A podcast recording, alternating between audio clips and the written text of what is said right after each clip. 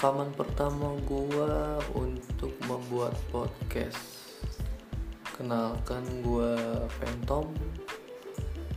Ini pertama kalinya gue coba untuk membuat podcast. Awalnya sih gara-gara kegabutan ini work from home pandemi dan lain-lain lah.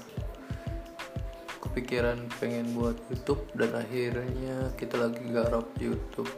Terus pas ngobrol-ngobrol sama temen akhirnya gue rencanain untuk bikin podcast sekedar ngobrol-ngobrol santai aja sih. Temanya ya nanti mengikuti alur ke depannya lah ya.